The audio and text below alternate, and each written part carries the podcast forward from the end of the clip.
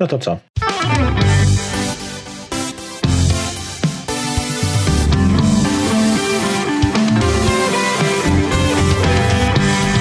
Witajcie w 78. odcinku podcastu Kompot. Podcastu, w którym wyciskamy sok z jabłek. Jako, że działamy w harmonogramie wakacyjnym, to odcinki aktualnie ukazują się co dwa tygodnie, więc nie jest to cotygodniowy, tylko co dwutygodniowy podcast. Wita Was w nim Marek Telecki, niezmiennie. I Remek Rychlewski, również niezmiennie. Dzisiaj troszeczkę odstajemy od reguły, ponieważ będzie trochę inny odcinek niż zazwyczaj. Marek miał okazję przeprowadzić wywiad wywiad w języku angielskim, czyli language'u.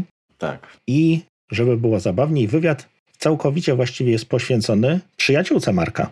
Dokładnie. Jest to wywiad z człowiekiem, który dba o to, by duch Amigi, czyli komputera, no, który jest mi przynajmniej tak bliski jak, jak, jak jabłuszka, pozostał jak najdłużej żywy. Czyli taki kustosz ducha. Dokładnie. Wywiad będzie poświęcony Amikitowi, natomiast tutaj to, co, to, co chcieliśmy jakby dograć na początku, to, to jakieś takie wprowadzenie, bo przyznam szczerze, ja nie jestem amigowy i, i stąd właśnie mam jakieś pytania do Marka, tak żeby wyjaśnił mi trochę, ponieważ już e, miałem okazję przesłuchać wywiad. No i mam troszkę wątpliwości i chcielibyśmy je rozwiać. Może wy, drodzy słuchacze, również będziecie mieli podobne, więc stąd ten nasz wstęp. Zgadza się. Poza tym nasi wierni słuchacze pewnie pamiętają, że swego czasu był odcinek poświęcony emulacjom wszelkiego rodzaju. Także to jest troszeczkę taki powiedzmy suplement związany z faktem, że pojawiła się najnowsza odsłona pakietu AmiKit, czyli wersji XI czy XE, tak po naszemu. Mhm. Dlatego no po prostu udało mi się przekonać właśnie autora do odpowiedzi na, na, na kilka czy kilkanaście pytań. Jako, że zresztą to usłyszycie, to już nie, nie będę zdradzał, usłyszycie. No, no niestety y, stwierdziliśmy, że dziś chyba większość y, z, przynajmniej z słuchaczy kompotu, myślę i tak, i tak angielski na poziomie komunikatywnym ma opanowany, w związku z czym y, nie będzie trans transkrypcji wywiadu w formie pisanej. Marek chciał, ale go odwiodłem od tego pomysłu. Także zwyczajnie po prostu przesłuchajcie, a jeżeli będziecie mieć jakieś pytania, to możecie kierować się bezpośrednio y, do naszego gościa lub do nas, tak? Oboje tutaj, znaczy no, Remek odnośnie emulacji Atari bardziej, a, a ja mogę oczywiście podzielić się, jeżeli będę potrafił, e, jakąś wiedzą czy, czy doświadczeniem, jeżeli chodzi o emulowanie e, Amigi na Macu. Także no to Remku wal, bo chciałeś pytać. No nie będę cię bił, nie zasłużyłeś. Mm, no przede wszystkim odpowiedzmy na, na podstawowe, podstawowe pytanie. Po co w ogóle emulować Amigę na dzisiejszych systemach? Czy jest to tylko nostalgia, czy ma to również jakieś no tak praktyczne zastosowanie? To, wydaje mi się, że powodów można znaleźć e, mnóstwo. Tak? No, na pewno dla osób, które kiedykolwiek wcześniej, w młodości, tak, no bo to niestety już, już trochę lat minęło od momentu, od chwili, e, kiedy e, ta platforma była mocna i popularna i generalnie na, na niej dużo rzeczy się działo, to wszyscy, którzy mieli do czynienia być może, znaczy, powiem tak, może, być może nie wszyscy, niektórzy się odcięli, tacy switcherzy powiedzmy, y, które przeszli na PC-ta, może nie chcą nawet się przyznawać do tej swojej przyszłości yy, samego, natomiast myślę, że wiele osób jakiś tam sentyment do tej platformy ma i tak jak wspomniałeś, nostalgia jest jednym z, myślę, istotnych powodów, dla których no, ta, takie, takie rzeczy jak, jak właśnie akumulacja starych platform no, ma rację bytu. Inna kwestia to jest to, że jeżeli spojrzymy na na to, co najbardziej, co nakręca często jakby sprzedaż czy popularność platformy, to, są, to, to jest rozrywka, czyli gry. Te gry z epoki, one były oczywiście y, dużo biedniejsze, jeżeli chodzi o, o, o grafikę, natomiast były cholernie grywalne. Myślę, że też przez fakt, że operowaliśmy wtedy, nie wiem, tylko myszką, joystickiem, klawiatura była rzadko w użyciu, to one były też bardzo łatwe, przyjazne, proste w obsłudze. Mhm. E, nie trzeba było studiować jakichś, nie wiem, manuali grubych, żeby je opanować. No chyba, że to były symulatory. Właśnie Flight Simulator, tak. dokładnie. No to wtedy to oczywiście tak. Była to inna bajka. I wiesz, to ja pamiętam, że no, być może to wynika też jakby z kwestii wieku, tak? No ja dzisiaj troszeczkę patrzę na, na komputery jako, jako na narzędzie bardziej, a nie jako źródło rozrywki. Albo inaczej, jeżeli już to jest to źródło innego rodzaju rozrywki. Natomiast mam takie wrażenie, że jednak te stare tytuły y, potrafiły mnie przykuć na dużo dłużej niż, niż te najnowsze, tak? Pomimo tego, że są wręcz y, no, mega realistyczne, tak? Mhm. Także to jest kolejny powód, czyli możliwość zagrania w coś, co nie jest aktualnie dostępne, bo w ogóle na przykład nie było dostępne na, na, na, na Maca, tak? Wiele tytułów amigowych, typowo amigowych, to są po prostu takie evergreeny, że jak rzucisz tytuł, to osoby w temacie od razu chwytają, od razu wiedzą, no i to się nie wzięło z niczego, tak? Myślę, że warto Dokładnie. Warto sięgnąć. Kolejna sprawa, dlaczego warto emulować Amigę czy jakikolwiek inny stary system, to jest kwestia edukacyjna. Sam masz dzieci, to, to, to wiesz, że może nie, nie, nie zawsze to jest tak, że, że, że dzieci czy, czy jakby młode pokolenie podziela naszą euforię, gdy dostanie się do jakiegoś starego sprzętu. Biorąc pod uwagę, że dziś zakup Amigi w dobrym stanie jest no, dość kosztowny po pierwsze, po drugie tak. wcale, wcale nie taki, taki prosty. Poza tym trzeba też dysponować jakąś wiedzą, żeby to no, skonfigurować, czy, czy później nawet, nie wiem, zdobyć oprogramowanie, bo jeżeli mamy gołą, powiedzmy Amigę 1200 czy, czy 500 ze stacją dyskietek. I mamy PC-ta, gdzie czy, czy, czy Maca, gdzie, gdzie ściągniemy pliki w formacie ADF, czyli takie obrazy dyskietek, to też, wiesz, to, to nie jest taki hop żeby mm, zgrać jakby te, te, to oprogramowanie i na, na dyskietki 3,5 cala, które dzisiaj też jest ciężko y, zdobyć, tak żeby to zadziałało po prostu na, na, na fizycznym y, sprzęcie. Czyli jeżeli chcemy pokazać historię, skrawek historii, znaczącej historii komputeryzacji, to emulacja często jest może nie jedynym, ale na pewno najwygodniejszym sposobem. Odpada nam kwestia, nie wiem, trzymania sprzętów, gratów w domu. Wiadomo, że, że to też jest element taki mhm. istotny. Jest to też są osoby, które mieszkają pewnie w dużych domach i nie ma problemu, ale bloku no to zawsze jest mało miejsca, tak? No tak, dokładnie. Tak. Mieszka, małe mieszkanie to jednak ogranicza i generalnie ja sam wiem po sobie, że przecież Amik miałem mnóstwo i najczęściej było tak, że albo z racji wymiany, czyli sprzedawałem starszy model, tak, inny, żeby kupić lepszy. No tak, no kwestia sfinansowania tego jakoś tam. Czyli właśnie kwestia finansowania, no a później, znaczy wiesz, ja nawet, nawet gdyby mi było stać na to, żeby wszystkie te modele zachować, to myślę, że, że właśnie ten mm, aspekt miejsca grałby też na dużą rolę. To są wiesz, takie na gorąco powody, które jestem w stanie tutaj ci, ci, ci podać. Zresztą myślę, że sam jesteś świadom. Mhm. Prawdopodobnie osoba, która uruchomi, czy, czy w ogóle myśli o emulacji, pewnie doda od siebie jakieś, jakieś inne przyczyny, które powodują, że w tym kierunku no, patrzę. Także emulacja, mówiłem, wspomniałeś też jakby o kwestii praktycznej, no to jeżeli, jeżeli pominiemy kwestie praktyczne, czyli, czyli koszty i, i, i przechowywanie sprzętu, to może się zdarzyć też, że znajdziesz oprogramowanie, które robi coś tak specyficznego. Mhm. Znaczy ja w tej chwili ci nie, nie podam, ale w, w, dawnych czasach na Amigę były programy typu, nie wiem, Scala do robienia jakichś czołówek dla telewizji kablowych, czy, czy jakieś oprogramowanie, które było dostępne tylko i wyłącznie jakby na tę platformę. Mhm. Prawdopodobnie dziś znajdziesz alternatywy i na Maca, i na PC, które robią to i szybciej, i lepiej, i bez y, zabawy, jakby formulacje. Jasne. Ale niekoniecznie, być może znajdzie się coś takiego, co jeszcze warto, dla, dla jakieś oprogramowanie, dla którego warto po prostu y, taką emulację uruchomić. Okej, okay, a powiedz mi, jak to jest z Amikitem Ile to kosztuje i, i, jak często się nowe wersje pojawiają? Czy, czy to jest cały czas rozwijane, czy to raczej jest e, od, od wielkiego dzwonu? No bo mówię, że jest nowa, nowa wersja właśnie wyszła, więc podejrzewam, że co jakiś czas tak, natomiast jak często się takich rzeczy można spodziewać, ewentualnie co się w nich zmienia? Znaczy tak, całość projektu to jest kilkanaście lat już rozwijana. W tej chwili najnowsza wersja, e, czyli AmiKit XE, to jest koszt niespełna 30 euro. No to nie tak dużo. Mhm wcześniejsze wersje, wcześniejsza była wersja AmiKit X, no ona zastąpiła, jest, jest zastąpiona przez XE, natomiast można za darmo ściągnąć wersję AmiKit 8.9 również na, na, na Maca. No one tam są uboższe, jest mniej, mniej, mniej programów, mniej jakichś tam, nie wiem, skórek i takich, takich tam mm, rzeczy. Najbardziej wypasiona wersja dziś no bo oczywiście ta, cena, którą podałem za XE, czyli te 30, ten 29,95 euro, e, to jest y, koszt Amikita na, na wybraną platformę, czyli na przykład tylko na Maca. Tak?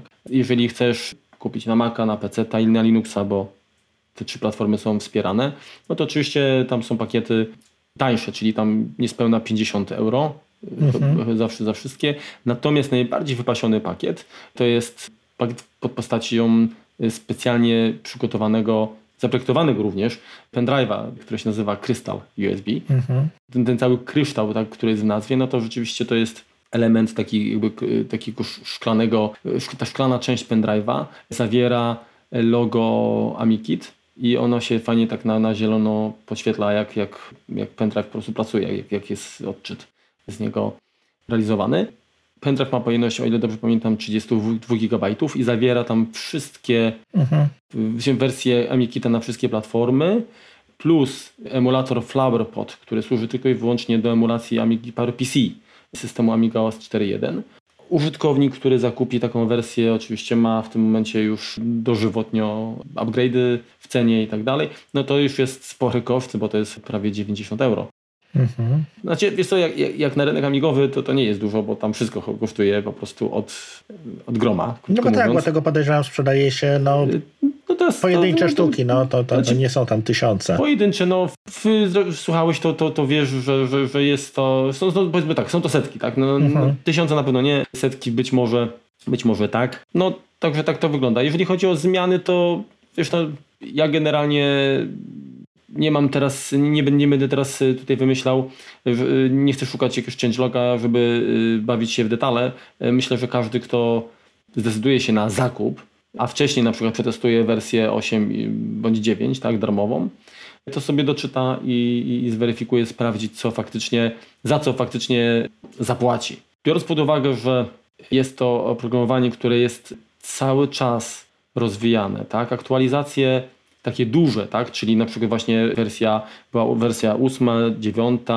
wersja AmiKit X, teraz AmiKit XE, to jest mniej więcej rok, dwa lata, rok, półtora, dwa lata, tak, tak, taki jest mniej więcej odstęp między kolejnymi rewizjami, natomiast pojawiają się drobniejsze aktualizacje, które usuwają jakieś, jakieś błędy, także jest to produkt aktywnie rozwijany. Tak? Od, tak jak wspomniałem, kilkunastu lat Autor nad tym pracuje, poświęca sporo czasu, jest to jego hobby, które jakoś tam się pewnie finansuje, żeby, żeby, żeby mógł no, tyle czasu, ile, ile poświęca, mógł na to poświęcać. Także tak to, tak to wygląda. A powiedz mi, Marku, z której wersji ty korzystasz? No ja w tej chwili korzystam z, z wersji właśnie AmiKit y, XE. Ale z, te, z tego wybuliłeś na pendrive'a? Yy... No tak.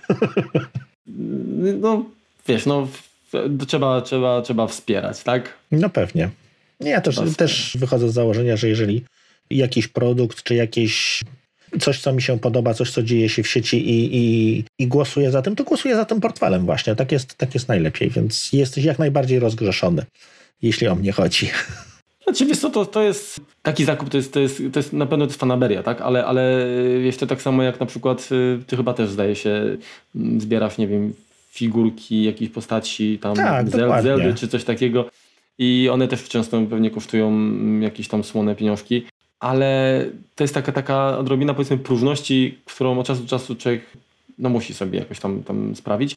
A tutaj dodatkowo mam jakby to poczucie, że, że no jednak y, wspieram pracę kogoś, który wkłada no, serce w to, co robi, też mhm. chociaż samo to jest, jest, jest powiedzmy tego warte. Poza tym i tak jak miałbym zainwestować e, w, jakiś, w jakąś amigę używaną i, i, ją doprowadzić do takiego stanu, jaką, na jaki pozwala mi właśnie Amikit, wydałbym dużo więcej. No tak, to akurat prawda. Powiedz mi, bo też jakby tego nie wyłapałem lub nie, nie do końca zrozumiałem. AmiKit emuluje jakiś, jakąś konkretną Amigę, nie wiem, tam 1200 czy, czy coś takiego, czy to jest e, bardziej taka Amiga moich snów, czyli możemy sobie wybrać jakby dowolną konfigurację, dowolną do pałka? Znaczy tak, pod względem oprogramu y, software'owym, tak, to emulowana jest Amiga z procesorem Motorola 68K, tak? Uh-huh. I system AmigaOS w wersji 3, czyli to może być 3.0, 3.1, tam 3.2, 3.5, do 3.9, tak? Tam z jakimiś rewizjami oczywiście po przecinku, tak jak, jak to się pojawiały aktualizacje. Mhm. Generalnie jest tak, że praktycznie poza jakimiś chyba egzotycznymi modelami, to wszystkie najbardziej popularne wersje, czyli 500, 600, 1200, 4000 i jak najbardziej Amiga 3000 są wspierane. No Amiga 2000 to była tak naprawdę 500 w obudowie, czyli, czyli to, to też się kwalifikuje. Wersje jakieś, nie wiem, 500 plus chyba też, bo tak naprawdę tam jest kwestia, procesor był ten sam, był, był, był inny, inny ROM i, i, i, inne kości były tam. Tam Agą się chyba różniły. Y, znaczy Aga, Aga mia, y, kości Aga miała dopiero Amiga 1200 i 4000. No tak. Natomiast Amiga 3000 i 500 Plus miały ECS, a 500 miała OCS, tak? Czyli można powiedzieć, że przekrojowo wspierany jest, jest każdy model, zresztą nic dziwnego, dlatego że fundamentem dla Amikita jest WinUAE. Mhm. To, mi, to niego Willena czy Wilena i to jest no, zdecydowanie naj, najbardziej zaawansowany emulator e, Amigi, jaki kiedykolwiek powstał na jakąkolwiek platformę. W związku z czym tutaj, znaczy AmiKit byłby niedorobiony, gdyby sam narzucał jakieś ograniczenia, tak? Jeżeli e, WinUAE wspiera procesory właśnie Motorola 68000, 68020, 030, 040, koprocesory, tak? Mhm. Czyli te FF półmatomatyczne, no to AmiKit dokładnie to, te same procesory czy, czy platformy, no, ten sam sprzęt y, wspiera. Plus oczywiście, y, bo tak jak wspomnieliśmy, te kości AGA, OCS, ECS, to również wspierane są karty graficzne, tak, czyli tak zwany system RTG. Dzięki pakietowi, ile już pamiętam, Picasso 96. Jakieś karty dodatkowe turbo, jakieś tam, nie wiem, Bizardy, czy co tam kiedyś były, to również... Tak, tak, tak. No bo możesz ustawić, że, że chcesz 1000 wysytkę z, z procesorem Motorola 060, tak? Mhm. Także jak najbardziej. Znaczy nie, nie wskazujesz y, chyba tam nie wiem, że chcesz mieć kartę L-Boxu czy Face 5, bo takie tam były dopałki, czy, czy G, G, GPV, czy takie mhm. tam firmy były, ale wskażesz procesor, no to tak, na, tak naprawdę dokładnie ten sam rezultat będzie. Teraz tak y, rozmawialiście tam o czymś, co się nazywało Rabbit Hole. Y, to nie będziemy wnikać jakby w szczegóły, to się dowiecie w samego wywiadu, natomiast powiedz mi, czy ty z tego korzystasz? Sprawdzimy, jak to działa i działa to fajnie rzeczywiście, natomiast nie korzystam z prostego powodu, jak odpalam emulator, to po to, żeby się jakby skupić na tym, ja nie chcę zakłócać sobie tego doświadczenia. Po prostu w tym momencie korzystam z Amigi, tak? Jasne. I, i, mhm. i niepotrzebny jest mi jakby dostęp do, do aplikacji Macowych. Jak najbardziej, jako że Mac jest, jest tutaj systemem, tym hostem, tak? Aha no to, ale to już nie są możliwości Rabbit Hole czy, czy Amikity jako takiego, tylko właśnie WinUAE, palonego na, na Wine, tak? Mhm. Jest możliwość przeglądania zasobów Maca, czyli mogę z poziomu Amigi przeglądać dysk, tak jakby to był dysk amigowy, tak? Mhm. Także, to, to jest przydatne na pewno. No, no, no także to standardowo. To z tego korzystam jak najbardziej, czyli pobiorę coś na Macu, a potem odpalę emulację i, i do tej emulacji no, tam wykorzystam mhm. rozpakuję, jeżeli to jest jakieś archiwum LH na przykład popularne y, na, na, na Amidze właśnie. Dobrze.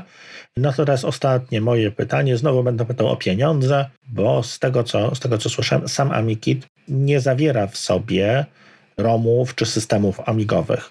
Powiedz mi, jak to można pozyskać, oczywiście legalnie, no i ile to kosztuje? Fakt. Fakt jest taki, że rzeczywiście AmiKit wymaga do pracy tego, czego wymaga normalny każdy inny emulator, tak? czyli, czyli plików ROM oryginalnych z Amigi oraz systemu.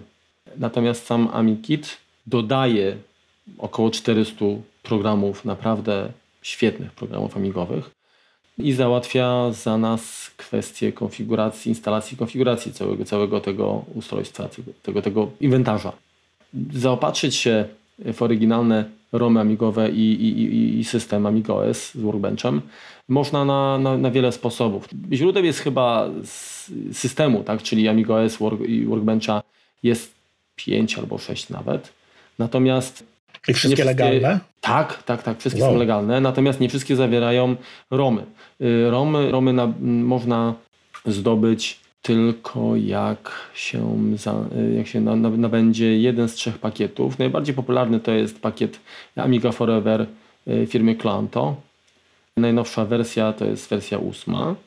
trzeba tutaj skorzystać, bo jest jakaś wersja Basic chyba, czy standard, ale trzeba wybrać wersję Plus Edition. Mhm. Y, ona kosztuje tyle samo co AmiKit wersji XE, czyli 29,95 euro. Drugim sposobem jest y, skorzystanie z oferty firmy, która wykupiła prawa do, do systemu AmigaOS i, i rozbudowuje go, czyli Hyperion Entertainment. Mhm. To jest dwóch braci, Thomas i Frieden. Thomas, nie pamiętam teraz, ale dobra, to, to już tam szczegół. W każdym razie y, możliwości są dwie. Y, ta firma oferuje system AmigaOS w wersji 3.1.4 i on zawiera ROM 3.1, czyli taki z Amiga 1200, z Amigi 1200. Mhm. I to, koszt tego rozwiązania to jest 142 zł, a trzecie rozwiązanie to jest również od, od y, Hyperiona, tak, czy Hyperiona, pakiet, który nazywa się Amiga OS 4.1 Final Edition. I tutaj mamy w pakiecie Amiga OS 3.1 i ROM 3.1 również z Amigi 1200. Także te trzy jakby źródła są jakby najbardziej polecane, dlatego mhm. że zawierają, zawierają te romy. A nie dodam jeszcze, ten, ten, ten trzeci, to trzecie rozwiązanie jest najtańsze, bo kosztuje 105 zł.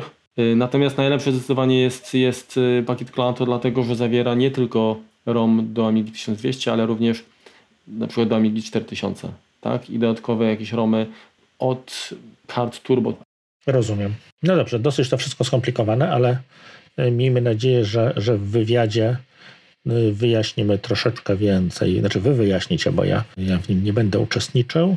Czy masz jakieś te pytania do mnie? Może tak to, jak już jesteśmy... Tutaj, tak, tak, poczekaj, tak, tak jeszcze jakby na zakończenie tutaj odnośnie tych pytań, to konfiguracja czy instalacja Amikita jest trywialna. Naprawdę to jest kilka komunikatów, które się pojawia. Trzeba wskazać właśnie źródło, skąd ma być pobierany na ten, ten soft, czyli, czyli ROMę i, i, i system. Możesz jak na przykład zakupisz pakiet y, to, no to po prostu masz obraz ISO, tak? Możesz pobrać i w tym momencie wskażesz ten, ten, ten obraz, on jest podmontowany i reszta idzie automatycznie, wybierasz później rozdzielczość i wszystko. Temat, temat załatwiony. Także tak naprawdę te pakiety, które tutaj wymieniłem, one są potrzebne wyłącznie jako źródło legalnego oprogramowania. Okej. Okay. Natomiast y, oczywiście mam pytanie do Ciebie, bo mówimy o emulacji Amigi, natomiast y, Ty jesteś atarowcem. Ja kiedyś tam coś odpalałem, jakieś, jakieś Hatary, Hatari coś, te, mm no, coś takiego. Natomiast pytanie, czy ta platforma doczekała się czegoś równie zaawansowanego, czy po prostu nikomu się nie chce, nie wiem, nie zależy, Krótko mówiąc, mm przybliż mi, bo być może jako atarowiec jesteś bardziej w temacie i, i, i wiesz, jak wygląda rynek emulatorów. Oraz jeżeli, jeżeli te, te najnowsze, powiedzmy, jak dobrze emulują, jak wiernie emulują y, i przede wszystkim jakie y, z tych starych komputerów, na, jak, na jakim poziomie. To znaczy tak, nie jestem tutaj specjalistą z racji tego, że ja jestem raczej atarowcem mało, czyli 8-bitowym, jestem małym atarowcem, nie urosłem razem z Atari. Zostałem przy 8-bitowym komputerze. Atari ST kiedyś tam mi się pojawił, jakiś tam chyba, chyba jeden w piwnicy leży, natomiast e, to już było dość późno. Powiem szczerze, nigdy ten komputer mnie nie porwał jakoś mocno. Jeśli chodzi o czas życia i jego świetność, no tak ST, STE, TT, później Falcon, 0,30 i na tym się tak naprawdę skończyło, tak? Mhm. Tam się pojawiało jeszcze jakiś czas różne dopałki do tego Falcona tak jak, tak jak w, w Amidze tam wchodziły wyższe procesory 0,40, 0,60 Motorola, natomiast no, Atari nigdy nie przeszło na procesory PowerPC, mhm. więc siłą rzeczy jak gdyby no, wcześniej zakończyło żywot jako, jako taki. Jeśli chodzi o systemy, to tam był TOS. Mhm. W momencie, kiedy przestał być rozwijany. Tramiel Operating System? E, tak, dokładnie. Mhm. Znaczy to te było różnie tłumaczone. Wiesz, to w zależności od tego, jaki aktualnie reżim tłumaczył. Tragic, różnie to było. Natomiast powstało coś, co się nazywało, nazywa Mint i aktualnie teraz Free Mint. Mhm. Natomiast nie Mówisz było... Nie, jako system, tak? Jako system, Mint. tak, tak, tak. Aha, tak. Aha. Nie było z tego, co, co najmniej z tego, co, co wiem, jakby tutaj takiego rozwoju. Jeśli chodzi o emulator e, Atari ST, no to jest Hatari i on chyba działa na wszystkim i, i nie ma nic innego, więc podejrzewam, że jeżeli już mamy jakąś tam maszynę nie wiem, 1-2 GHz, no to możemy sobie w tym momencie emulować właściwie wszystko, co, co potrzebujemy i, no i jest to, jest to w 100% zgodne. Mhm. I teraz jeszcze jedna rzecz, bo na pewno kojarzysz, że generalnie Amiga pozwalała na uruchomienie, na uruchomienie programów w zasadzie bez workbencha, tak? czyli mhm. bez środowiska graficznego. Po prostu wkładał się dyskietkę, reset, robił reset na przykład i, i y, trochę po, po, pobrzęczało tam, pobrzęczało tak. i, i gra się uruchamiała. Przez to, że system jest wielozadaniowy, to często było tak, że już tam coś się działo na ekranie, a jeszcze w, w międzyczasie reszta się dogrywała w tle. Mhm. I często to było tak, że, że to były właśnie tak, takie tak zwane gry endos, niedosowe, tak? Mhm. Czyli, czyli nie można było ich w prosty sposób na komputerze już powiedzmy z uruchomionym workbenchem y, uruchomić. No bo na potrzebowałeś takich, 100% zasodu, zasobów. Tak. No tak, tak, I, tak. I do takich, do takich gier wystarczą AmiKit nie jest potrzebny, tak, tak mhm. naprawdę, bo wystarczy na przykład FSUAE, ale AmiKit oczywiście też jak najbardziej pozwala na uruchomienie takich, takiego oprogramowania. Natomiast dowolny emulator i ROM, a często nawet chyba...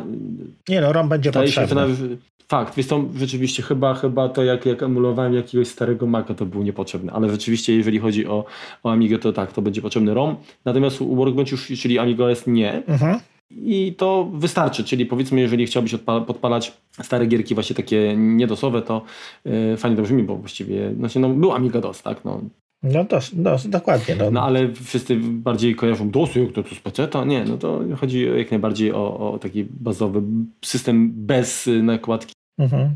bez interfejsu graficznego. Dokładnie. Czyli to da się odpalić bez Amikita, natomiast całą jakby tą zaletą Amikita jest to, że masz dostęp do właśnie środowiska graficznego, które w swoim czasie było naprawdę ponadczasowe. Tak?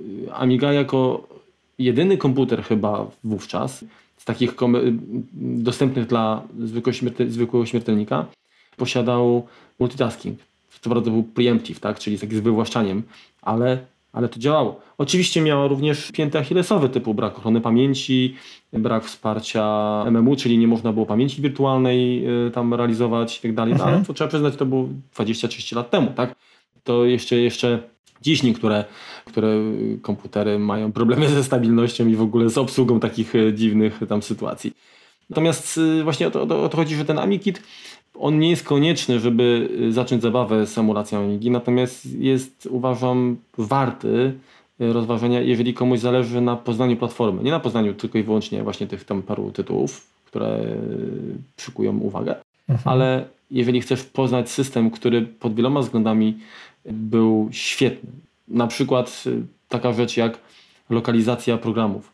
To polegało na tym, że miałeś narzędzia, wczytywałeś plik, który miał rozszerzenie lokale, tak, locale, wczytywałeś do mhm. edytora, podmieniałeś y, łańcuchy, czyli tam słowa na słowa w innym języku, zapisywałeś jako, jako kolejny plik mm, i na przykład y, miałeś tam, nie wiem, Polish, ale English, tak, German i tak dalej wrzucałeś to do katalogu Local e, właśnie na, e, na, na dysku.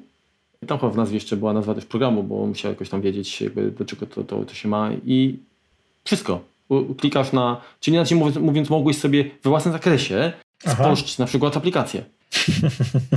tak samo jak kwestia, tak jak mamy teraz na Macu pakiety, czyli mamy jakieś biblioteki, które potrzebuje tylko dany program. To żeby nie śmieć w systemie, tak, to one trzymane są często jako, jako zasoby tylko w tej, w tej aplikacji, tak? Mhm. To y, na Amidze też było coś takiego, że były y, foldery systemowe typu nie, libs, czyli libraries, ale można było zainstalować program i tylko w folderze, gdzie był ten program, była, była też teczka o takiej nazwie, libs.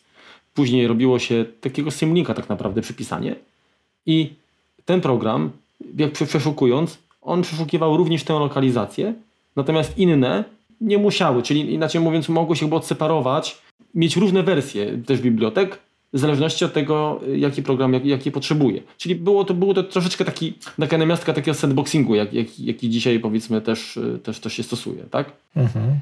Właściwie to, to tyle. No, ja, ja zachęcam do, do, do zabawy, zwłaszcza jeżeli weźmiemy pod uwagę, że, że, że AmiKit w wersji 8 i 9 jest za darmo, e, no to jeżeli ktoś wysupła parę złotych na, na, na legalne romy i system, no to jest jakby inwestycja, którą może wykorzystać przecież wielokrotnie.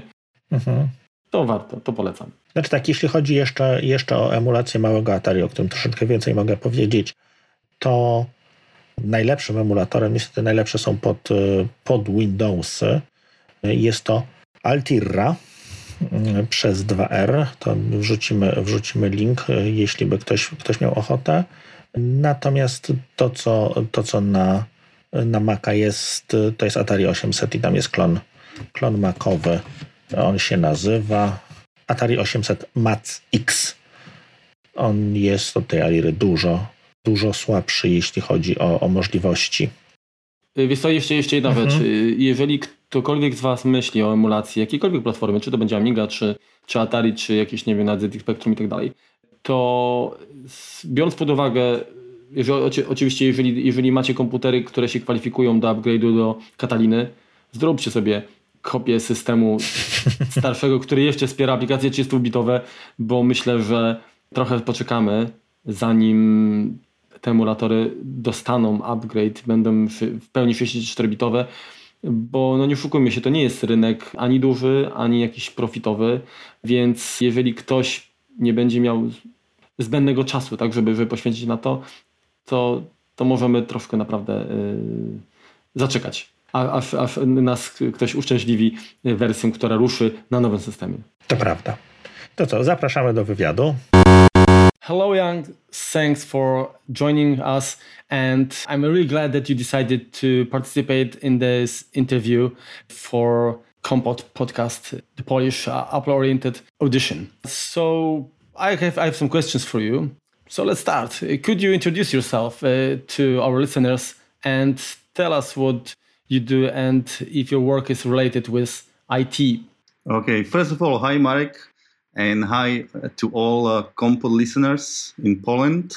This is also my first interview in English, as you said. It's going to be first in, interview in English in in this podcast as well. Mm-hmm. Nice. okay. So my name is Jan. I was born in Slovakia, in a small city of Piešťany, if you know Slovakia. Mm-hmm, mm-hmm. It's near Trnava. Okay. What I do actually, I'm the author of the um, emulation package called AmiKit. This emulation package, it's for emulation of Amiga. So um, I guess that few, at least few of your listeners have some experience with Amiga at least you have the experience. Yes, I have. and I can tell you that many uh, Mac users, current Mac users, started their adventure with computers uh, with the Amiga platform. Yeah, yeah, yeah. Not everyone, uh, of course, but. Mm-hmm. Yeah, many. I think that there are some similarities, especially between you know the classic uh, Mac OS and and the the old Amiga systems. Yeah. Yeah. So so actually the interview is because you are the the, the father of the AmiKit. And but can you tell uh, us uh, is it your full time job or you do something else? No, no, not at all. Because Amiga community is very small already. Uh, so this is not a this is not a job I can live from. Mm-hmm. but it's my it's my hobby, and it's my hobby since '93 I guess, when I got my first first Amiga. But you asked if my if, what I do actually in my in my life, like if my job is IT related. Uh, no, it is not. Surprisingly, I'm a psychologist. Oh. okay, it's quite bizarre. I studied psychology and um, I work or I used to work as a consultant in uh, human resources area. Mm-hmm. So, um, for example, if you if you have a company and you want to hire someone, someone new, you hire me first. So I do interview with your potential candidates. So you are the, the you are the headhunter. Uh, no, no headhunter. but for example, imagine that you have like eight people who are already uh, capable of doing the work for you. Mm-hmm. cannot choose which one is the, the most suitable one. So and that's the point where you invite me for example. Okay. And so, so companies just push the responsibility on you. And also also what i do is uh, like soft skills trainings. Mm-hmm.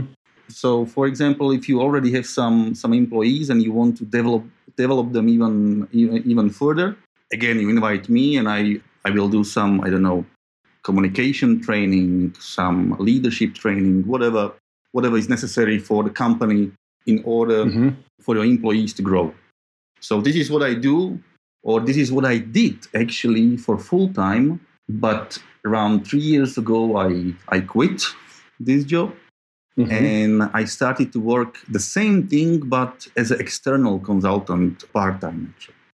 And that's quite quite nice because suddenly you find yourself you don't work full time from Monday to, to Friday. Mm-hmm. As external consultant, you can choose which project you want to work on. So for sure you have more time to focus on AmiKit. Yes. okay. Yeah. You mentioned that 1993 was the date when you bought your first Amiga, right? So this is the the beginning of your adventure with this platform. Yeah, yeah. My father bought me because at 93 I was 13 years old. So okay, all right, I see. Technically, yes. uh, what was your your first Amiga model then? Uh, it was Amiga 500 with some extra extra RAM so as far as I remember, the barebone Amiga 500 was like with 500. Uh, no, it was half mega of of, of RAM. Mm-hmm. Yeah, half mega. Wow. And uh, I had um, 1200. You mean?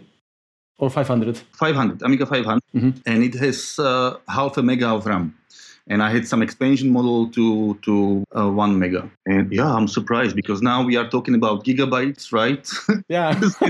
so that's quite strange that it had only half mega of RAM. But before that, I had a Z, not ZX Spectrum, but Didaktik Gama. If you know what kind of computer is that? Uh, I think it's it's a computer built in your, in your country, yes? Yes, especially. It, it was a Slovak Slovak clone of ZX Spectrum, and it has 80 kilobytes of RAM. You know, it was similar situation in Poland. There were computers called Meritum. Uh-huh. you know, because we, we, we, our countries were uh, behind the Iron Curtain, so the COCOM, the embargo, yeah, exactly, was prohibiting. You know, it, you couldn't buy just the normal computers uh, which were too powerful, right? That's why. Exactly, exactly. And then I had this Amiga 500 for a few years, and I was mainly playing games, of course, with my brother. And later, we convinced our father to to to buy us Amiga 1200 mm-hmm. with a hard drive, and the hard drive was like 20 megabytes large. Yeah, also very amazing number, actually. And you know, once uh, once you have a Amiga uh, 1200 and hard drive, you you run a workbench on that because mm-hmm. before with Amiga 500 you just insert the, the floppy disk and you play game directly, so you avoid anything like workbench or anything like this desktop. Mm-hmm. Suddenly on two, uh, 1200 I uh, I run workbench and and I enjoyed install programs to to enhance the workbench capabilities and and visuals and things like this. You know. Mm-hmm. How how the AmiKit was born? The AmiKit was born many years later because I still with this 1200 I play games and, and did and played with the workbench, but it was nothing serious. But then I moved to Czech Republic because of my because of my studies. Because I studied, uh, I started to study psychology in Brno, in uh, in Czech Republic. Mm-hmm. I found it quite difficult to to move my Amiga with me, you know, because it you have to move the whole hardware, then big monitor, and everything. So it was quite difficult. So I started to experiment with uh, with WinUAE, which is a Amiga emulator. Mm-hmm. This is how it started.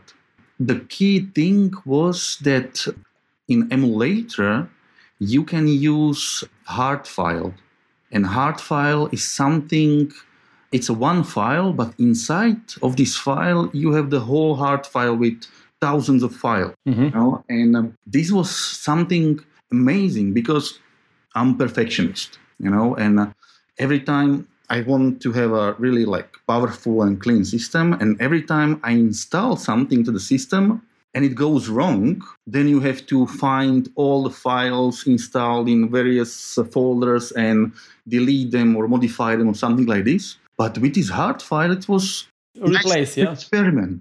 Mm-hmm. So you just you just get back to the old hard file and and you start over, you know, and mm-hmm. where you can this way you can experiment and uh, design something something really nice. Actually, it's like an undo button, you know. Yep.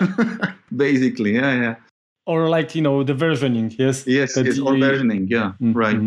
So this is how how Amikit started because I always wanted to have the best possible system. Again, when something went wrong, I could easily mm-hmm. start over. So I started to install more and more programs to my own, actually, to my own environment. And I spent a lot of time configuring everything and fine tuning everything, you know. And at some point, I don't remember exactly when when this happened, but at some point I was like, "Hey, this system is so advanced now that maybe someone someone else can benefit from it." That's where the AmiKit was born, but still quite a lot of time to to release it. Mm-hmm. Because the main thing is you cannot simply pack everything and release the hard file because you know all the programs installed it's not yours exactly you have to ask for permission so mm-hmm. it took me like one year to to write everyone if they are okay with that mm-hmm. if their programs are um, included with uh, in this package yeah the fact that, that you managed to convince so many authors of, of really wonderful applications is Actually, I, couldn't believe that applications like uh, Director Opus or MUI, MCP are available for everybody now because of your product. Yeah. Your package. You know, this is um, this is because I'm psychologist. Maybe that's why. so it was your your playfield, yeah, the, the experience with your uh, strength. Uh, because actually, I'm I'm not a programmer. You know, I um uh, what I can program is just a simple simple scripts mm-hmm. in Basic or whatever. So I'm not a programmer. I consider myself more like a project manager or designer who's putting everything together. And regarding the software included in AmiKit, um, you wouldn't believe. I simply asked people, you know, mm-hmm. if they mm-hmm. are okay with this. And 100% they agreed you know but this cooperation was uh, was mutual in in many cases because for example, there is a program called AmiStart, which is uh, similar to Windows taskbar. Uh-huh. And I asked for permission. When I was configuring this program, I started to request some extra features from the authors, you know, and I was like, what about you add this? What about you add that? Mm-hmm. And, uh, you know, I found, I think I found a bug over here and over there. And suddenly. So, so you help authors to, to keep uh, their development alive? Yeah, it seems so. It seems so. so yeah, it was nice. It was nice because they responded all the time and uh, they were happy that someone is actually interested in the program and, and uh-huh. help them to develop. So yeah, I pushed them actually to, to improve their programs and I was happy that, that the programs were improved because in some cases the programs were not developed for many years, you know, and it looked like mm-hmm. they are dead already. And suddenly I came and asked for permission and with a lot of feature requests and bug reports. And I was quite stubborn, so I kept bombarding them with emails, you know, and it worked like. Okay, yeah, you mentioned that uh, you're not a programmer, but I think that it wouldn't be possible for you know a layman to create such a package without any, any, any technical background. So, did you do anything computer related before? Maybe when you received this Amiga 1200 you were active on, on a you know Amiga scene. I don't know. Maybe you have some some mm-hmm. past you can. Not really. Not yes. really. what I did, I did uh, music mo- modules on Amiga. Uh-huh.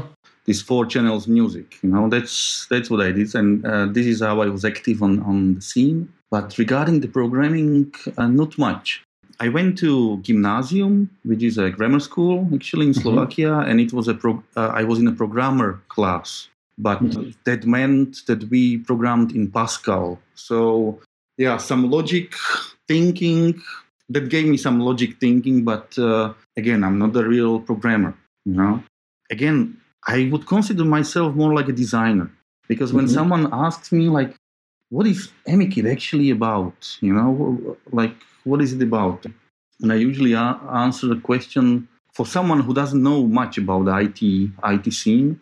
I answer this question with the car analogy. Mm-hmm. You know, for example, I usually ask people like, uh, when you were young, what was your first car? You know, and they, uh, what was the famous car in Poland actually? Uh, in the past, uh-huh. I mean, Amiga days. Uh, yeah, in 80s, for example. I can tell you that the, the most common because of the price was uh, Fiat 126. Uh, you know, it's called it was called Maluch. Aha, uh-huh, okay. like a baby. really? yeah. but it, it was it, it wasn't popular because of the quality you know uh-huh. just, just just the price the availability okay that the cars were too expensive so imagine uh, imagine you have a really quality mem- memories with this baby mm-hmm. car you know and uh, and now you would like to experience these memories again so what you can do you can buy this old baby from someone you know, which can be quite expensive because it's already considered as a veteran, right? Mm-hmm. Or imagine there is a possibility that you buy a new car, new and cheap car, I don't know, and fast car, whatever, and you have some magic stick which you use on this new car, and suddenly this new car looks like your old baby, you know, from outside and inside. But it's modern. But it's modern because the engine mm-hmm. is modern, you know. Mm-hmm. mm-hmm. So, and this is what AmiKit does actually. Regarding this programming thing, again, imagine that all the all the car parts are out there somewhere mm-hmm. and are freely downloadable or freely accessible. So, uh, and people who created these parts are the real programmers, right? Yes. So, what I did was that I took all these parts because AmiKit, consists uh, now, it consists of like 402, uh, 20, 20 programs, 420. Mm-hmm. That's a lot. So, I took all these 400 parts and I built the car out of this. So, I just put the, put the parts together. You know, I don't need to I don't need to program, I don't need to manufacture any parts myself. I just put them together. Yeah, but but you have to test it and you have to prepare the installation scripts so everything will work yes, on yes, yes. any system. So so it still requires some some practice at least. Yeah, yeah, yeah. But when you have project like this, you you can learn quickly. okay, so yeah, tell me then what was the biggest challenge during the development of, uh, of AmiKit? Um, the biggest challenge, I think it was to to create these scripts, uh, the installation scripts. Mm-hmm. What I mean by that, AmiKit itself, it, it cannot contain Amiga operating system and Amiga ROM mm-hmm. because copyrighted, you cannot simply include it with, with the package because otherwise it would be pretty illegal. Mm-hmm. So actually, AmiKit is this compilation of these 400 programs, but without system and without the ROMs. So the most challenging part was to write a script which will import these Amiga operating system and ROMs from many different sources. From the external source. Mm-hmm. Basically, if you have AmiKit, you still need the Amiga OS and, uh, and ROMs, and uh, but thanks to the scripts, the installation or um, import of these files are really are really easy. And the challenging was there is not just one source. You know, there are like five, six different sources. Yeah. And AmiKit supports all of them. So this mm-hmm. was quite challenging because if you make a mistake, then um, it has um, big consequences later, and you don't know, and you have to track it back to the installation script. So maybe maybe this one everything else everything else was actually easy because I I enjoyed uh, designing AmiKit, you know, and if you enjoy something, it's yeah, not difficult. you do not feel fatigued, so yes. Yeah. Okay. What about the time? How much time you, you do you spend on, on this project? Um, the first version was released in 2005 and I already spent like two, three years preparing and putting everything together. Mm-hmm. Once it was released, recently I counted like how many updates I released, and it was it is like 60 or 70 updates already since then. But I don't I don't work on it all the time. It's more like uh, I work very intensively on uh, on some update, and I work every day, like four six hours. Once the update is released, I need a vacation. okay, so which I usually don't have because when I release something, people starts to respond, you know, and uh, uh-huh. they. Um, but this is the best part probably because yeah. uh, when you when you have this feedback, uh, you feel that your work is even more important, right? Yes, yes. You feel that you did that you did something really good, yeah. and uh, you know it's it's not uh, the project you can just put in in, in a drawer yeah. of your desk yeah exactly people react the, this feedback the, this feedback is something that keeps me motivated mm-hmm. very much you know and uh, the feedback i get is really really nice and positive so can you shed some light on the on the number of of users I know it's difficult, probably, or maybe it's not. Uh, okay, it's difficult to say because the, the Amiga platform is, is, is a niche, mm. right? So it's not a huge number anyway. But can you tell any number? AmiKit number eight, which was the last free version, was mm-hmm. used by like thousand people. And I know this because in AmiKit there is a live update um, mm-hmm. program which is updating the, the, package automatically. And I can see how many people downloaded the updates, you know, and at the time it was thousand thousand people, which is not much, but as uh, you said, at least I don't do anything uh, just for myself or and, and to hide it to folder. so I'm happy even even for for them. And once AmiKit became paid, the the number is smaller, of course. Mm-hmm. Yeah, and it's not thousand at all. okay, no, you don't have to tell. Actually, I, I was uh, going to ask you how uh, the fact that you changed this to, to, to, to the paid version you know that you started to require payment how this affect the interest of, of users. But i think that people who already were in love in AmiKit, they just stayed and and keep you they they they support you just like you support the platform. Yeah yeah because be, uh, before that i had a donation uh, system mm-hmm. and people donated. So now it's uh, it's paid but the interest, I think it's the it's the same because paradoxically, if something is paid, you value it more somehow. You know. Mm-hmm. But still, you, uh, I cannot live from this, so I still go to go to work to Prague. you know, yeah. No, no, no. Uh, but I understand. Sometimes people think that if you give them something for free, it's not worth anything. Yes, but of course, it's not true. Jan, can you tell us. So, what is the, your, your current the private platform, the computer you use? I have a Windows desktop system, mm-hmm. and that's the main uh, system I develop AmiKit on because actually AmiKit was born on Windows, right? I also have a MacBook, MacBook Pro, which I use when I travel. And I travel a lot actually because I live in Belgrade, by the way, which is in Serbia, and I work in Prague, which is in Czech Republic. So, so, I, so I travel a lot and this MacBook helps a lot. Uh, personally, which uh, platform you prefer, Windows or, or Mac OS? Mac, Mac for sure. Mm-hmm. Oh, Mac for sure. Okay. the next question goes. Uh, the uh, for Mac is uh, basically powered by WinUAE emulator. Mm-hmm. Yep. Uh, which is run within the Wine, yes? Yeah. Um, so it's an- another emulator. Did you consider or even try to eliminate this emulation, redundant emulation layer and use, for example, a native emulator mm-hmm. uh, like uh, FS UAE yeah. for Mac? First of all, wine. You know what wine means? Wine is not an emulator. Yeah. exactly. I love to correct people, you know, with this. uh, yeah, but I, I, just simplified a little. Wine is not an emulator. Look, the situation is like like this. The AmiKit was born on Windows on WinUAE. Mm-hmm.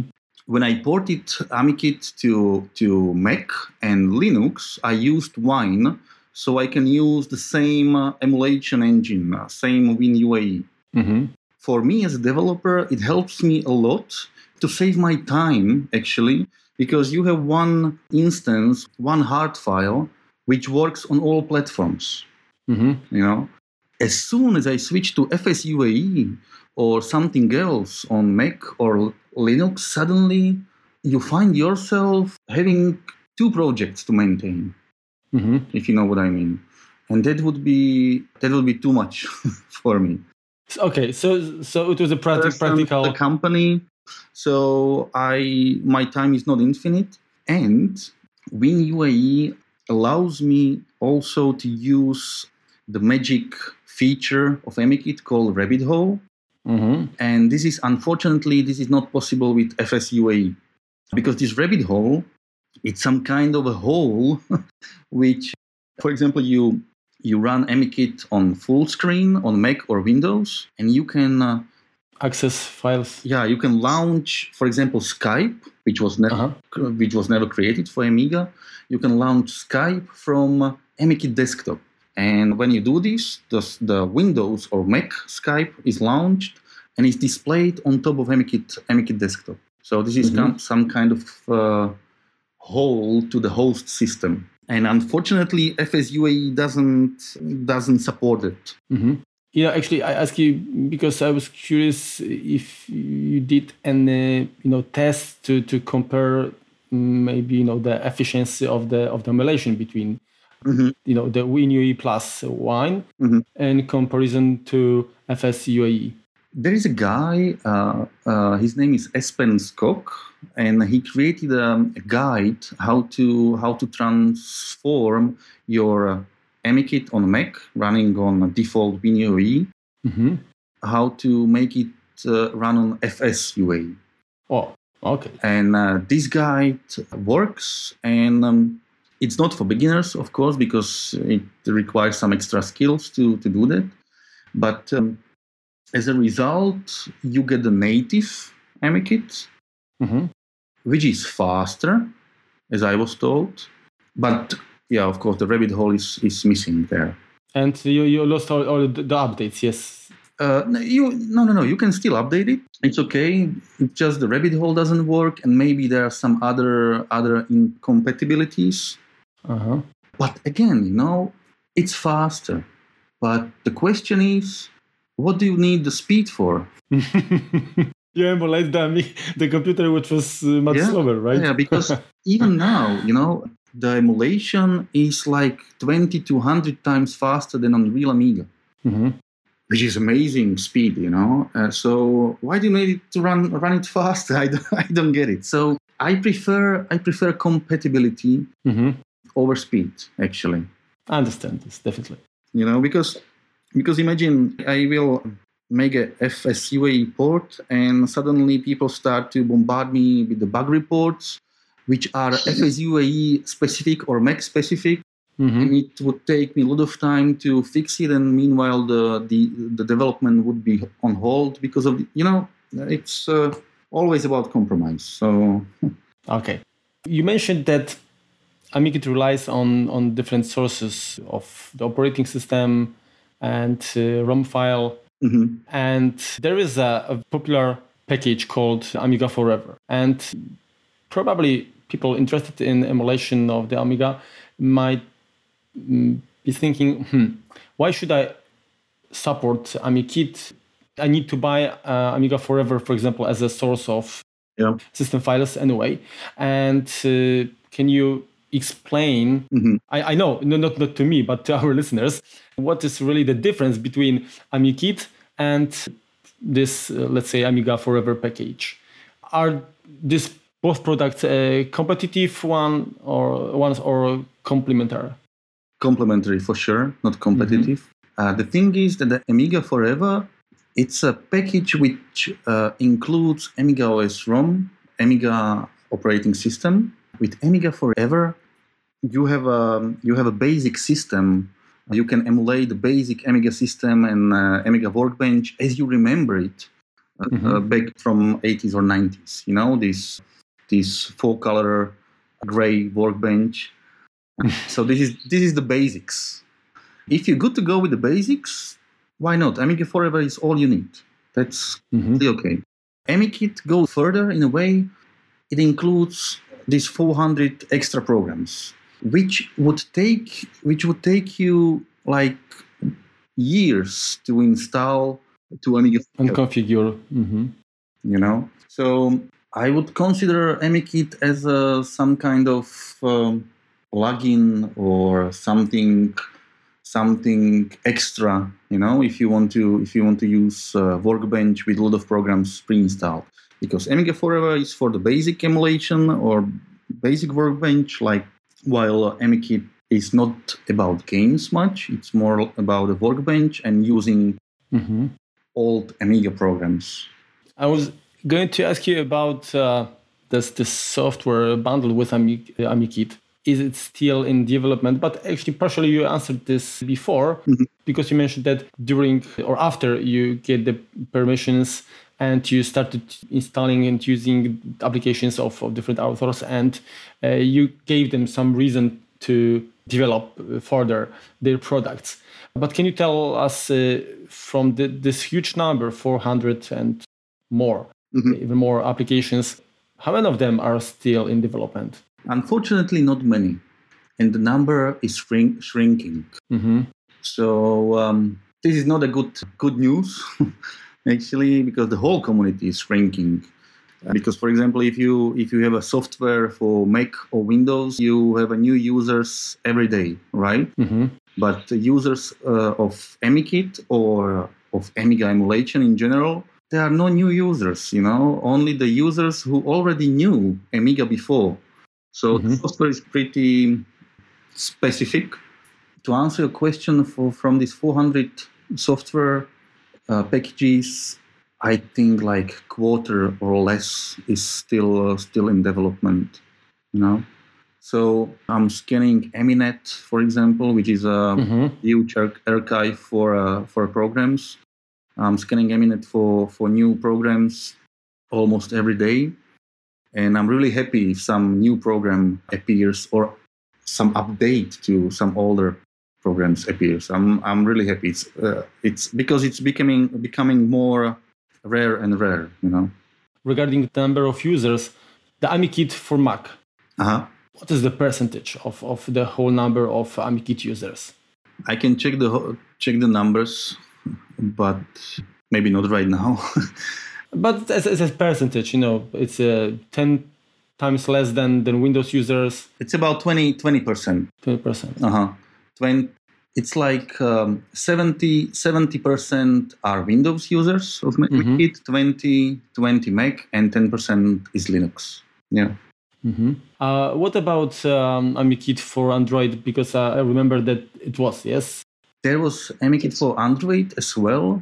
It was an experimental port Mm-hmm. It was active for like one year or maybe two, but um, I took it down because because it was very difficult to install on a phone. Some people posted really negative review, like you know, it's not a, for beginners, you know. So mm-hmm. it was more like a proof of concept that Amiga can live on a on an Android phone as well. But the question is like, why? You know, what you can, what you can do. Because um, the the most uh, difficult part was you know the, the Android phones are touchscreen and Amiga was intended to mm-hmm. touchscreen. So I can imagine people getting furious, you know, about the mouse.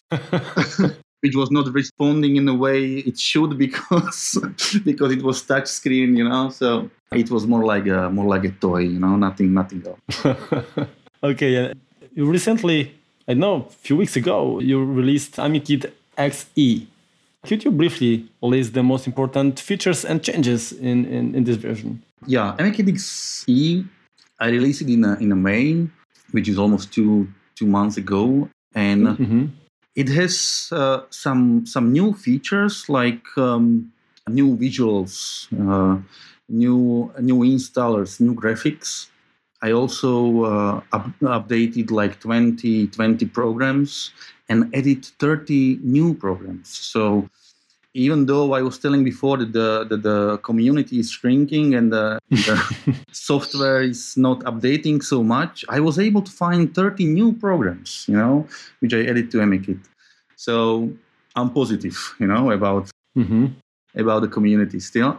And um, from the visual point of view, maybe you remember Workbench 1.2 from uh, from ni- 1986, I think, which was the blue workbench. Mm-hmm. I designed a theme which was inspired by this blue blue workbench. So now AmiKit XE looks it's a modern desktop which looks like Le- retro. retro desk. Yeah. Mm-hmm. And uh, now you offer uh, something uh, really special. I mean, this crystal boot pen drive. Yeah, yeah. It's a it's a USB flash disk. It's a crystal one with a with the AmiKit logo Mhm. inside the crystal, and I'm really proud of proud of this pro- product because it looks really really nice, especially in dark. Because when you I know. when you when you connect it to the port, it, it lights up. It includes everything I created for Amiga, which is AmiKit for Windows, Mac, and Linux. Also, Flower Pot for all the platforms. Flower Pot is uh, for emulation, new generation Amiga operating system, Amiga 4. As a bonus, this flash disk is live boot, so it can it can boot to to AmiKit, not completely directly. It boots to, to some lightweight Linux distro. This distro in, uh, includes AmiKit. It's yeah, it's really it's really nice. I have to say that this um, this live boot uh, was created by Ken Lester, hmm who is also author of the um, visual design of AmiKit and all the all the uh, icons in AmiKit, which are which are of dual PNG type hmm which is quite uh, quite interesting, and they are very nice. I tried to boot it, uh, and uh, I know that it works on some Mac configurations. But if if the computer uh, uses uh, EFI firmware, it doesn't, right? It doesn't it doesn't boot on on Mac uh, because generally it's difficult to boot anything on the Mac than uh, than its own system. But someone someone told me it boot on Mac, so I was quite amazed that it did. hmm Uh, generally, it boots regular PC, but you have to you have to use um, legacy legacy BIOS, not not hmm USB. Maybe this is this is the, the problem. Okay, if it's not uh, classified, can you demystify some you know some future of of AmiKit? Honestly, mm, I believe that it's really a mature and complete product, and uh, I would have no idea what else you could uh, add or improve. So, what are your plans? Yeah, I, I agree that uh, I also don't have idea what to want to improve, but uh, generally these ideas start coming after my vacation, you know. so uh, I believe it will come, but I would like to make AmiKit available on Raspberry Pi because Mhm. recently recently a new version Raspberry Pi number four was released, which is like four times faster than the previous one. So um, now I'm experimenting uh, with AmiKit on this little piece of hardware. It would be nice to make it work. So yeah, it's not like I don't have a plans now for what to improve in AmiKit itself, but I would like to make AmiKit more available on more platforms. So Raspberry Pi is one of them, and another one is a Vampire platform. If you know Uh huh. what is that? Uh, it's a, it's a, it's a accelerator card for Amiga 600. it's an accelerator card, uh, but uh, they also plan to release a standalone system. So, and standalone system is like, as I imagine it, you purchase this similarly to Raspberry Pi, you attach keyboard, mouse, and monitor, and you're good to go. Actually, this is like a real Amiga hardware, and uh, I would like to make AmiKit work on that. So it would be like after 15 years or how many how many years the AmiKit is uh, is released, it will finally return to the Amiga, to the real Amiga hardware. You know, uh, so and I I'm expecting I would like to buy this standalone system because I don't have a real hardware anymore. Even though if they release a accelerator card, I would have no hardware to put it put it in. hmm So I really, I'm really looking forward to this standalone system. if my time and wives allows me, I can uh, I can work on it and and hopefully to come with AmiKit for these platforms. Okay, so uh, as a Mac user, I have a question about support uh, for in, in new AmiKit for Mac uh-huh. for macOS Catalina, which is mm-hmm. not going to support 32-bit apps any longer. So, yes. what are you going to do with this? yeah, yeah. I um, uh, I remember there are many programs actually in Mac when you when you launch them, they uh, they complain about like this is not optimized for your Mac. Yes. So AmiKit is is one of them, and I was hoping that the next version of uh, Mac OS won't drop the support, but mm-hmm. now it's confirmed that they dropped the support. So I will have to cope with it, of course, somehow, you know, because as soon as I update to Catalina and my AmiKit won't work, I have to do something about it. I was experimenting with um, with a 64-bit Wine before, but somehow it was unstable. AmiKit paradoxically was much slower than with mm-hmm. 30th version. So I switched back to to 30, 32-bit version. But you know this. Uh, if I'm forced to to work with 64 bits application only, I will find some solution. I, I hope so at least. But but now it doesn't support. I believe you did. You do. all right. So I think that I asked you all the questions I was curious uh, about. Uh, do you have any, any words for Polish Mac users, uh, for our, the listeners of, of our podcast? Yeah, I was actually, if there are some Amiga users from the audience, which I believe that, uh, there are some, I was always admiring the Polish scene, Polish Amiga scene, because it was mm-hmm. very strong, and it is actually uh, very strong together with the Germany. So uh, I was always admiring the scene. So if you if you miss Amiga, someone from my audience miss Amiga, you can try. You feel free to try AmiKit because version nine is uh, is especially created for Mac and it's free. So if you want to revive some, uh, your memories, give it a try. I would be happy. And I will share the news. And if you like it, write write me some feedback. You know, I would be happy. Okay. I will. Okay, thank you for for your time, and I really enjoyed this conversation. I learned a lot about the AmiKit, and uh, I will keep my fingers crossed in my name and uh, all the listeners for the development, future development of, of AmiKit. It's really good that uh, there are people like you who put so much, you know, uh, devotion and heart in, in, in, such projects. Thank you. So, you know, there was keep going, yes, or keep. I, I just tell you keep going because this is what what you have to do. yeah, yeah. Again, if you love something, nothing's impossible, you know. So I enjoy what I do, and that's it. Thank you. Thank you. Thank you for having me and and greetings to Poland. Thank you. Ciao Marek. Ciao. No dobrze, dziękujemy za to, że wysłuchaliście wywiadu. Mam nadzieję, że Wam się podobało. Taki troszeczkę inny odcinek niż zazwyczaj, natomiast no, wakacje rządzą się swoimi prawami. Marek bardzo, bardzo mnie męczył, żeby ten odcinek powstał, więc w końcu się zgodziłem. Przeprowadził wywiad. Jest o Amidze. Marek jest zadowolony. Widzę teraz na Skype'ie cały uśmiechnięty.